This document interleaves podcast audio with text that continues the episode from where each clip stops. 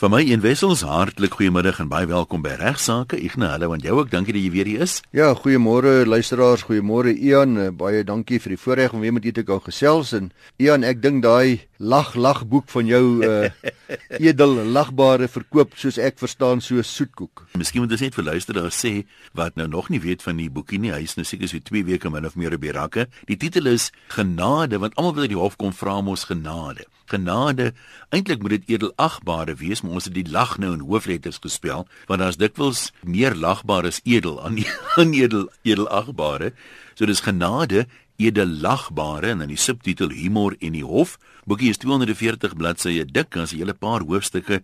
Ek wy aparte hoofstukke onder andere aan prokureurs en advokate en regters en landdroste en so aan. Maar dan het ek ook 'n bietjie weier geneem. So kom ons het nie humor in die hof gemaak het nie, maar humor en die hof en uh, ingewerk ook oor verkeersbeamptes en polisiemanne want hulle kry baie keer met ouens te doen nog op pad hof toe en ek het 'n hele paar bydraes gekry oor militêre reg wat ook tog 'n afdeling, jy weet die militêre howe. Hmm. En miskien moet ek vinnig een van die staaltjies met jou deel. Jy was in die weermag, weet jy of jy in die regskantoor gewerk het en of jy 'n infanteris was nie? Ek was by die ordentlike plek by die lugmagnasie. nee, ja, lugmagnasie ja. Nee, in die destydse weermag was Afrikaans mos maar die taal gewees, jy weet. En baie min van die manne moes ooit in Engels werk en van hulle Engels was redelik beperk, minder so vir selfverdediging. Hulle sê mos daar in die Weskus praat hulle net Engels en selfverdediging. Maar hierdie betrokke kaptein Bonnels by die verhooroffisier was. Sy Engels was so min as hy die oggend Coca-Cola gesê het, dan was hy op vir die dag. Toe moet hy 'n troep verhoor vir AWOL, absent without leave, en die reglement van dissipline wat nou hulle soort van wetboek is, maak voorsiening daarvoor dat die beskuldigde kan kies of hy in Afrikaans of Engels verhoor wil word. Hmm. Die spesifieke troep was hier van die Wes-Transvaal af. Hy was net Afrikaans, maar hy het geweet kaptein Bonnels gaan sy klats gaan gly as dit by Engels kom. En net toe hulle hom nou inmarseer vir hierdie het hy nou daar in die beskuldigde bank plaas neem, dis hy maar hy te versoek. Hy wil graag in Engels verhoor word. Maar nou is almal daar net Afrikaans. Ja. En toe kaptein Bonnels uh, dit nou hoor, jy weet, toe styg sy bloeddruk aansienlik, maar hy moet nou maar die situasie hanteer. Waar hy nou die klagte sou gelees het in Afrikaans, sê hy toe die offisier wat aankla, wat net so Afrikaans is as hy moet net die klagte aan hom stel. Die klagte is toe you guilty. die troep sê no captain, not guilty. Nou sit Bondels wat nou? Nou moet hulle hierdie ding verhoor. Hy het gehoop die ou gaan skuldig pleit. Ja. En die staande mag van die mense mos maar daadwerklik optree. En jy moenie laat blyk dat jy onseker is nie. En hy bulder met daai stem soos wat net daai manne kan. You not guilty. Nou is hy hierdie swanger stilte. Nou kyk almal vir mekaar, hulle weet nou nie wat volgende nie. En Bondels dink toe wel, hy sien nou nie kans om verder aan te gaan in Engels nie. En hy sê, "Take him away." Nou marseer ja. hulle die ou uit. Nou staan hy en die aanklaer daar by mekaar. Nou sê hulle: "Wat nou?" Nou sê die aanklaer: "Wel, jy het hom nou klaar onskuldig bevind." Bonnels dink so rukkie, hy sê: "Sjoe, dit was 'n moeilike besluit." ja, luister ek kan nie 'n beter geskenk ding vir jou man of jou vrou of iemand as jy nog nie vir Kersfees mooi gedink het nie, gaan soek gerus hier naaste boekwinkel. Ek dink dit gaan die moeite werd wees. Ek het lekker gelag vir die boek. Ja, as jy nie by boekwinkel kan uitkom nie, dan kan jy die boek ook direk bestel. Hy word in samewerking met RSG uitgegee deur Lapa Uitgewers en mense op die platteland wat toegang het tot e-pos kan 'n e-pos stuur lapa l a p a by lapa.co.za en navraag doen daaroor direkte bestellings of jy kan die volgende nommer skakel is 'n Pretoria nommer 012 401 0700 012 401 0700 en as jy by jou boekwinkel kom en voorhand is dalk op sê jy moet nog bestel. Lapa uitgewers gee die boekie uit en het die titel Genade edelagbare. Ek moet miskien net op die stadium ook eers 'n slag weer dankie sê aan almal wat vir ons bydraes gestuur het. Jy weet Ignas, ek het nadat ek gesif het deur die bydraes, het ek 90000 woorde gehad. Die boek het hulle aanvanklik gesê moet so 45 na 50000 woorde toe dik wees. Toe kontak ek vir Lapa en sê, "Jessie, maar dit beteken ons moet die helfte van die goed kan ons nie gebruik nie." Dis hulle maar hulle sal die boek bietjie dikker maak hier na 60000 woorde. Dis wys nou 240 bladsye. Ons moes helaas moes mense nou maar sekere goed uitlaat, maar uh, dit wys net weer, jy weet hoe Uh hoe graag luisteraars deelneem aan die goed. So baie baie dankie aan ieder en elk. Ek loop nou ouens raak by my vertonings en so en sê hulle hoorie maar is my stukkie in die boek, maar ek moet bieg, ek kan nie nou uit almal onthou wie se in is en wie se uit is nie. Uh blaai hom maar deur, hopelik is joune in. Ja, dis regsaake. Kom ons gesels oor ernstige regsaake. Ja, ons het talle klagtes ontvang terwyl almal nou op pad is met vakansie en na u deeltitel skema op pad is of na u vakansieklap deeltyd op pad is, het ek talle klagtes en vrae ontvang van luisteraars wat eienaars is van hierdie weke. En ek het uh, gelees dat die Vryheidsfront Plus en veral dan advokaat Anton Alberza by hulle het reeds van, van u van vertel, het nogal die stryd namens baie Suid-Afrikaners opgeneem en ek het hom gevra vir 'n vorderingsverslag hoe vorder hulle met hierdie hele probleem en nou ons het 'n paar maande terug hieroor gepraat. Korrek, jy het toe vir ons gesê hulle is daar is uh, daar is uh, insette gelewer by die nasionale verbruikersraad ensovoorts. Uh, nou uit vir my nou laat weet dat die nasionale verbruikersraad, die NVK, is tans besig uh, om 'n aansoek voor te berei vir indiening by die verbruikerstribunaal. Nou die hele uh, probleem is dat hulle wil versoek dat die vakansieklub so stansbedryf as 'n onwettige skema verklaar word of al 'n alternatief of of ook daarmee saam. Dis die groot probleem dat hierdie kontrakte het almal omtrent ewigheidsklausules dat daardie never never daai ewigheidsklausules onwettig verklaar word. Dit sal die probleme van die meeste mense oplos en daar's ook 'n klompie ander ek oor vir die eenvoudige nou maar, maar ter voorbereiding hiervan is hulle besig met 'n ondersoek en hulle gaan ook op 'n stadium openbare verhore hou hieroor en ek kan nou al vir hulle sê daar is letterlik honderde en nie duisende Suid-Afrikaners wat sielsongelukkig is met die hele situasie nie. Ek reken dat daardie verslag wat daaruit sal uitvloei sal nogal redelik potent wees. Nou hy, hy gaan dan na die departement van handel en nywerheid gestuur word en uiteindelik na 'n parlementêre komitee gestuur word met aanbevelings om die wetgewing te wysig. So dit gaan nog 'n lang paadjie wees ongelukkig, maar intussen word daar ook gepraat deur advokaat Alberts en ander met senior regslei dink hulle ook in 'n groepsgeding waarin daar dan ook skadevergoedingseise namens 'n groep ge, uh, geëis gaan word wat oor die jare gelei is. Maar uh, dit kan ongelukkig nou nie deur die nasionale verbruikersraad aangespreek word, moet deur 'n hof gaan. Maar belangrik is luisteraars, hulle ontvang graag. Ek kry gereeld klagtes wat ek moet net aan gaan stuur na hulle toe, maar u kan dit direk stuur na hulle toe. Die proses is as volg: u moet 'n e-pos stuur en u gaan dan 'n vorm kry vanaf uh, die mense wat hulle vir u gaan stuur. U moet dan die vorm voltooi saam met die stawende dokumentasie en hulle gaan dit dan aflewer al die al die klagtes wat hulle kry, al die probleme by die nasionale verbruikersraad. Gaan hulle dit aflewer as deel van van die proses wat ek nou nou vir u verduidelik het.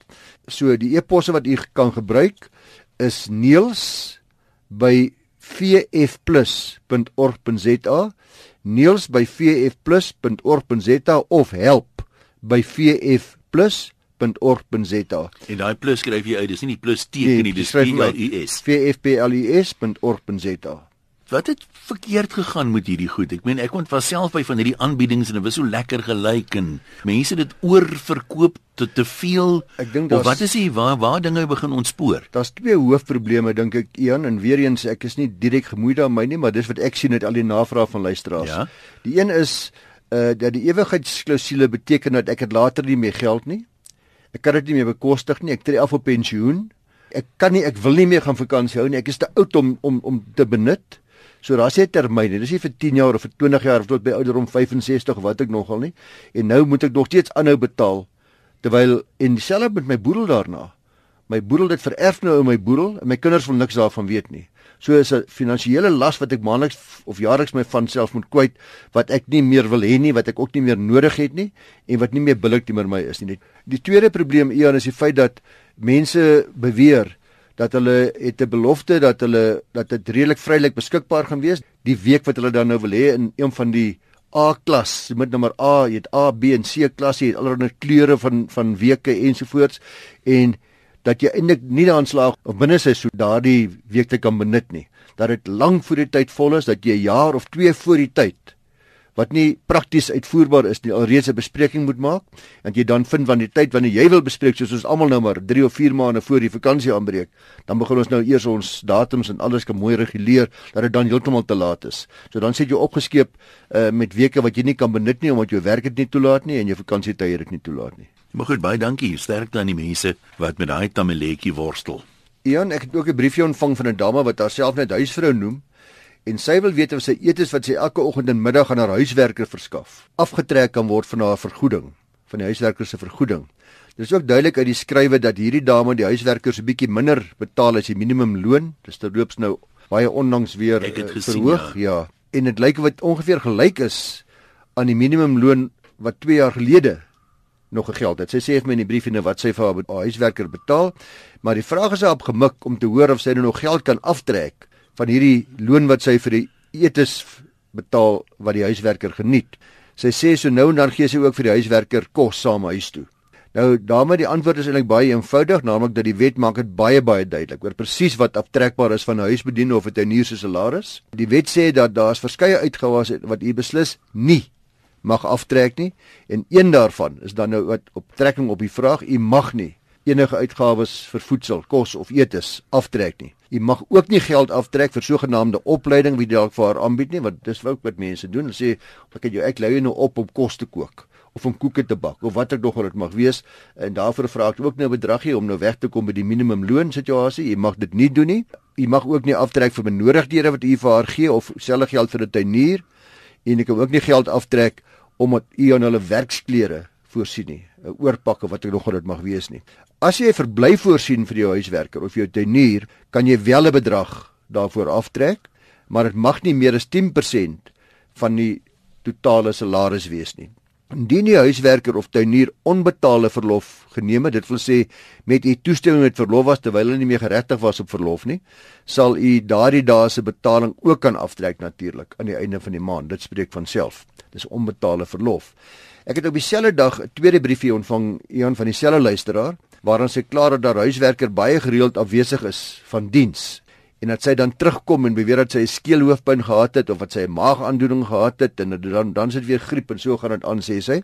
Die dame sê dis nimmer eindigend en sy wil weet of sy haar se muur kan afdank. Nou ek dink in die eerste briefie ek al gedink sy wil eintlik afdank. Ek het ook al 'n gevoel ja. gekry ons mik so. Die tweede briefie is nou duidelik dat sy wil graag van hierdie dienste nie langer gebruik maak nie van hierdie huiswerker en ek kan nie onthou of ons ook 'n paar maande terug 'n soortgelyke navraag beantwoord het. Ek het so vaar re. Ja, so. Maar ek wil net kortliks weer sê dat 'n werknemer kragtens die arbeidswetgewing 21 kalenderdae verlof per jaar. Dis geregtig op die volle salaris vir daardie dae as u nie aan hulle verlof toestaan nie. Uh, afgesien daarvan is 'n werker geregtig en dis belangrik hierso op haar vraag. 30 dae siekverlof oor 'n siklus van 3 jaar. Hierdie volle verlof kan dus in 1 jaar geneem word, maar sodra die siekteverlof op is en die gewone verlof is gebruik binne die 3 jaar siklus, dan sal daar slegs sprake gewees van onbetaalde verlof. So daar uh, is 'n definisie van siek wees of dan onbevoegdheid om te werk. Dit kom basies daarop neer dat ek geregtig is op siekverlof as ek nie in staat is of die vermoë het om my werk volgens normale standaarde, soos deur my werkgewer of deur die vereistes van my werk bepaal te verrig nie. As die werkgewer dus so gereeld afwesig is dat sy of haar toe, uh, siekte toestand veroorsaak dat hy die presiese werk waarvoor hy sy aangestel is langer kan verrig nie, dan sien jy natuurlik geregtig wees om hierdie onbevoegdheid te gebruik as 'n geldige rede om 'n dienskontrak te beëindig. Uh byvoorbeeld sê net maar 'n verwer uh wat soveel artritis het dat hy nie meer sy hande kan gebruik nie. Of iemand wat baie ver afstande moet loop elke dag en nie meer sy bene kan gebruik nie om watter rede ook al. Dis egter nie so maklik as wat dit klink nie en uh sal ek maar voorstel dat uh, hierdie dame beslis van 'n arbeidsregspesialis soos byvoorbeeld 'n prokureur met wat in hierdie gebied spesialiseer gebruik maak sodat die proses behoorlik gevolg kan word om onbillike diensbeëindiging te probeer verhoed. Dit gebeur veral maklik dat uh, daar ontslag is terwyl dit duidelik blyk dat die werknemer se siekte net tydelik was soos in hierdie geval. Nou en dan 'n skeelhoofpyn, nou en dan dit. En dan moet dit maar bygetel word by die 30 dae oor die siklus van 3 jaar. En sy's geregtig daarop. Uh Jy moet maar rekord hou. ja. Jy help nie om te sê jy weet dis 'n nimmer eindigende ding nie. Jy moet sê in die laaste jaar was hy 35 dae afwesig of so. Korrek, ja, en dit kan daar kan werklik goeie redes wees dat hy of sy selfs vir 'n paar dae na mekaar siek was vir 'n week of 2 en dit het niks te doen met haar of sy vermoë om spesifieke werk te doen nie. En dat die probleem waarskynlik ook nie vir altyd sal duur nie. Van die omvang van die onbevoegdheid en die graad van ongeskiktheid is van kardinale belang soos ek gesê het. Nou ek het baie oorsigtelik hier aangeraak eer en luisteraars net om vir 'n idee te gee dat daar wel probleme is, maar dat daar heelwat ander faktore is wat jy ook in aanmerking moet neem voor jy sommer net kan ontslaan. Kan ek net een vraag vra daaroor? Jy was nou begin met die etes. Kan sy die etes aftrek. Is 'n mens enigstens verplig om etes te verskaf of kan jy bloot ooreenkom en sê dis jou salaris, maar jy sorg ja, vir jou eie kos? Dit hang af van jou dienskontrak. Weer eens nou net, u is verplig om 'n skriftelike dienskontrak te hê en uh daarin sal maar etes word nie is nie 'n verpligte deel van die van die wet op uh op diensverhoudinge nie. Een het tyd vir 'n tweede navraagie. Ja, kom ons hanteer nou, maak sy nie tweede deel korter. Kom ons hanteer. Ek, ek wil ook reageer op verskeie navrae wat ek ontvang het van tyd tot tyd met die strekking dat mense keelvol is vir hulle huiswerkers of hulle tuinier as gevolg van baie redes en dat hulle hom sommer dadelik in die pad wil steek. En net soos daar baie luisteraars wat wil weet as die werknemer bloot dros of ek dan net sommer 24 uur kennis kan gee dat hy of sy die werk moet verlaat. Nou iemand onthou dat 'n die dienskontrak met huiswerkers en teniers soos ek nou net gesê het op skrif moet wees. Maar selfs al oortree jy, is dit nie 'n skriftelike dienskontrak nie. Is die wet nog baie duidelik dat dit 'n kontrak daarstel. Met ander woorde, jy het 'n kontrak mondelings met u met u werker en maak artikel 37 van die Wette Basiese Diensvoorwaardes baie duidelik dat daar sekere kennisgewingsperiodes geld wanneer hierdie kontrak skriftelik of mondeling dan beëindig word. Dit kom daarop neer dat jy 1 week kennis moet gee as die werknemer minder as 6 maande by 'n diens was. Dis nou vir alle werk, alle almal wat in hierdie onder hierdie wet geld of 2 weke as die dienstermyn tussen 6 en 12 maande lank was en daarna, na 'n jaar by u gewerk het, hy of sy, moet u 4 weke kennis gee. Nou spesifiek vir huiswerkers en plaaswerkers is dit reeds 4 weke kennis as hulle langer as 6 maande by 'n diens was. So dit is baie duidelik luisteraars as jy hierdie wet kyk, dat die wet spesifiek baie graag huiswerkers en plaaswerkers wil uitsonder vir beskerming teen onbillike kort afdankings tydperke. So hierdie 24 uur wat ons luisteraar van praat is totaal en al onbillik en en onwettig. Dieselfde kennisgewingstydperk geld natuurlik ook uh, wederkerig aan die aan die kant van die werknemer. Maar nou moet ons realisties wees. Ons besef dat dat in die geval van die werkgewer die wet nie regtig vir die help as hy net kort kennisgewing gee nie, jy moet maar siviele aksie instel en natuurlik is dit selfs die moeite werd. Mm. Gaan nie die moeite werd wees nie, maar indien jy as werkgewer kort kennisgewing gee, dan is daar beskerming wat vir die werknemer iets werd is, want as hier wat bepalinge in die arbeidswetgewing wat dan vir die groot probleme gaan gee. Moet dit normaalweg op billike ontslag sal neerkom en dan kan jy verwag dat uh, die kommissie vir versoening en bemiddeling daar arbitrasie betrokke gaan raak en dat u dalk kan sit met 3 of 6 maande of selfs langer se salaris wat u moet betaal as gevolg van die onbillike ontslag of selfs om die werker dalk terug te neem. Dit help ook nie om te sê maar hy het sê dis 'n ander ding wat gereël kry. Hy het sê nou suiker gesteel of die tweede blompot of die derde glas nou al gebreek in 'n maand se tyd nie. U moet diefstal kan bewys of jy moet opsetlike met die klem opsetlike skaakbeskadiging kan bewys. En dikwels uh, verbrand werkgewers hulle vingers erg wanneer hulle emosioneel optree sonder om te dink 'n werknemer se diens beëindig op 'n onregverdige wyse en omdat daar blote vermoede is van diefstal of een of ander onbevoegdheid wat nie maklik bewese gaan wees nie. So 'n prokureur sal dikwels vir werkgewers aanbeveel. Dis 'n dis 'n wenk wat ek hier kan gee maar in die diensbeeenkomste bepaal dat as die werknemer kort kennisgewing gee, soos byvoorbeeld 24 ure, met ander woorde van sy kant af kom hy ook die wet nie na nie. Want hy moet ook dieselfde tydperk as u gee, dan sal u geregtig wees om daardie betrokke maand waarin hy of sy dan dros of kort kennisgewing gee om dan daardie betrokke maand se salaris of die balans van die salaris vir daardie maand te weerhou. Op hierdie manier word dan minstens iets verhaal van die werknemer wat dros en nie die dienskontrak met behoorlike kennisgewing beëindig nie. Maar om op te som luisteraars, werkers, huiswerkers en tuiniers word baie goed beskerm en u moet met hulle billik wees, u moet die wet ken, u moet die dienskontrak eerbiedig en u sal nie die eerste wees en ook nie die laaste nie wat regtig waar groot finansiële verliese ly omdat u onbillik en te vinnig emosioneel optree. Kort vraag, jy wil dalk nie 'n kort antwoord hê nie. Is dit relevant hoeveel uur die huishulp per week of per maand werk. Ek meen is daar 'n onderskeid sê net maar tussen sy kom elke dag in en iemand wat een keer 'n week kom en net vir 4 ure die oggend jou strykwerk basies doen. Nee, wat die afdanking betref wat ek nou van gesels eh, die onbillike ontslag is dit maar die reëls presies dieselfde van toepassing. Ja, dit handel met 'n baie baie emosionele saak en is grootouers se reg tot 'n verhouding met hulle kleinkinders. Nou ek het bietjie gaan kers opsteek by Bertie Groblaar onlangs met ons gepraat het oor egskeidings en en ja, onderhoud en reg van toegang en hy het vir my uitgewys dat in die geval van 'n egskeiding, afsterwe of 'n verbrokkeling van die verhouding tussen grootouers en 'n kind of 'n skoonkind, het die ouma en oupa nie outomatiese regte ten opsigte van toegang tot hulle kleinkinders nie. In artikel 23 en 24 van die Kinderwet, dis 'n wet van 2005, maak wel voorsiening vir die grootouers se reg om 'n hof te nader om toegang tot hulle kleinkinders te versoek. En die hof sal uh, dan 'n bevel maak wat na die mening van die hof die kind se beste belange dien. In 2004 was daar 'n Townsend Turner aangeleentheid, 'n hofsaak. Het die moeder van 'n jong seentjie haar stryd teen kanker verloor.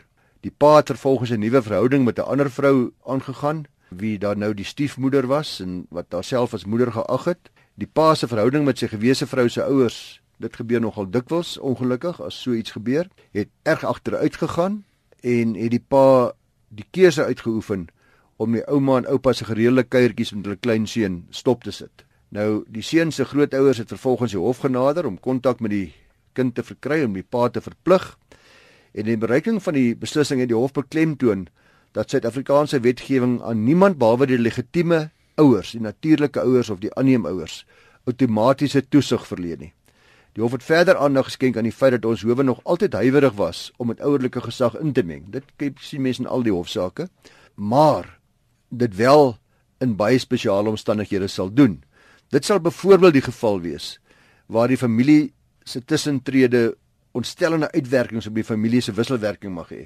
Aan die ander woorde, dan sal dit die kind se beste belang nie daardeur gedien word nie. Dit sal die kind se beste belang afhanteer, want dikwels bedoel mense baie goed deur deur hulle neus te steek, in die kind se sake, maar destyds maar dikwels het dit 'n ontstellende uitwerking op die op die hy bestaande gesin. Uh, in die Townsend Turner geval het die hof die grootouers se aansoek juis om hierdie rede van die hand gewys. So ouma en oupa daai keer nie geslaag nie, want dit was duidelik dat hulle betrokkenheid baie konflik as ook baie spanning veroorsaak het en dit was nie in die seun se beste belang nie. In 'n meer onlangse uitspraak in 2008 het 'n uh, ouma en oupa in Mpumalanga aansoek gedoen om as medeversorgers van 'n kleinkind verklaar te word. Hier in hierdie geval weer het hulle seun, die kind se pa, tot sterwe gekom in 'n motorvoertuigongeluk. Hulle skoondogter het die aansoek geopponeer en dikwels uh, luisteraars geen ander grond dat die verhouding met die skoonouers nie heeltemal na wense is nie word er dan geweier dat die dat die grootouers die kinders kan sien. Aan die ander woord, ek is kwaad vir vir vir my skoonma, my skoonpa en daarom gaan ek hulle wys. Hulle sal nie kontak met my kind hê nie. Die hof het beslis dat die grootouers se regte in, in so 'n geval van afsterwe weer eens nie outomaties is nie, maar die hof bevind dat in hierdie geval dit weeklikse kuiertjies deur ouma en oupa wel die kind se beste belange dien terwyl die hof dis nie die omvattende regte en verpligtinge wat hulle wou gehad het mede versorging 50-50 nie dit word nie toegestaan nie maar is die hof wel van mening dat gereelde kontak met die grootouers voordelig is en wenslik is en uh dit het word gedoen nie tenstaan uit die natuurlike moeder se teenkanting. In 2012 in die Oos-Kaapse Hof is daar 'n soortgelyke vraagstuk gewees en kort voor die kind se geboorte is die pa oorlede in 'n motorvoertuigongeluk en uh die ma het gehertrou en uh het haar verhouding met haar gewese man se ouers versuur en is ek dink so jammer dit gebeur soms dat ouma en oupa nie kan aanvaar dat by oorlede seun of dogter se man of vrou weer 'n nuwe verhouding aangaan nie. Die nuwe stiefma is 'n bedreiging, die nuwe stiefpa en onmiddellik skep dit ongelooflike spanning. Dis waarskynlik wat gebeur het ook in hierdie saak. Uiteindelik uh, het die het die ma gesê, "Jammer, julle kan nie meer julle kleinkinders sien nie" en uh, ouma en oupa het 'n aansoek gedoen vir kontak. In hierdie geval het die hof verklaar dat dit dat dit normaalweg in 'n kind se beste belang is om 'n verhouding met sy grootouers te hê. En daarmee kan ek myself vereenselwig. Die hof het gevolglik die aansoek toegestaan weer eens op 'n beperkte basis ten einde te verseker dat daar nie met die ma en haar nuwe man se ouerlike regte en verantwoordelikhede op 'n onbillike wyse ingemeng word. Dis ons howe se benadering luisteraars om op te som. Enige persoon buite wie wie hoop om 'n rol in 'n kind se lewe te speel, moet kan bewys dat hy of sy 'n positiewe invloed in daardie kind se lewe sal sal wees. So 'n persoon moet nie konflik of verdeeldheid in die kind se omgewing skep nie. En belangrikste van alles, hierdie persoon moet die regte en verantwoordelikhede van die kind se ouers respekteer. Dis nogal belangrik. So enige persoon wat die howe wil nader, nie net ouma en oupa nie, ook ander familielede of selfs buitestanders, uh, moet uh, vervolgens weet dat uh, die beste belang van die kind sal altyd deurslaggewend wees. Die verhouding tussen die applikant, in hierdie geval die ouma en oupa, en die kind sal ook altyd baie belangrik wees. En daarom het oumas en oupas altyd baie goeie kanse om te slaag, mens insiens. Die graad van toewyding wat teenoor die kind getoon word, die mate waarin ouma en oupa ook finansiëel bygedra het tot die kind se onderhoud of ander mense wat aansoek doen en enige ander faktor wat die hof in die omstandighede as belangrik mag ag. Dan sê dis alwaar ons gaan tyd hê vandag. Ek sê vir jou baie dankie Ignas. Luister volgende maandag 12:30 weer na regsaake net hier op RSG.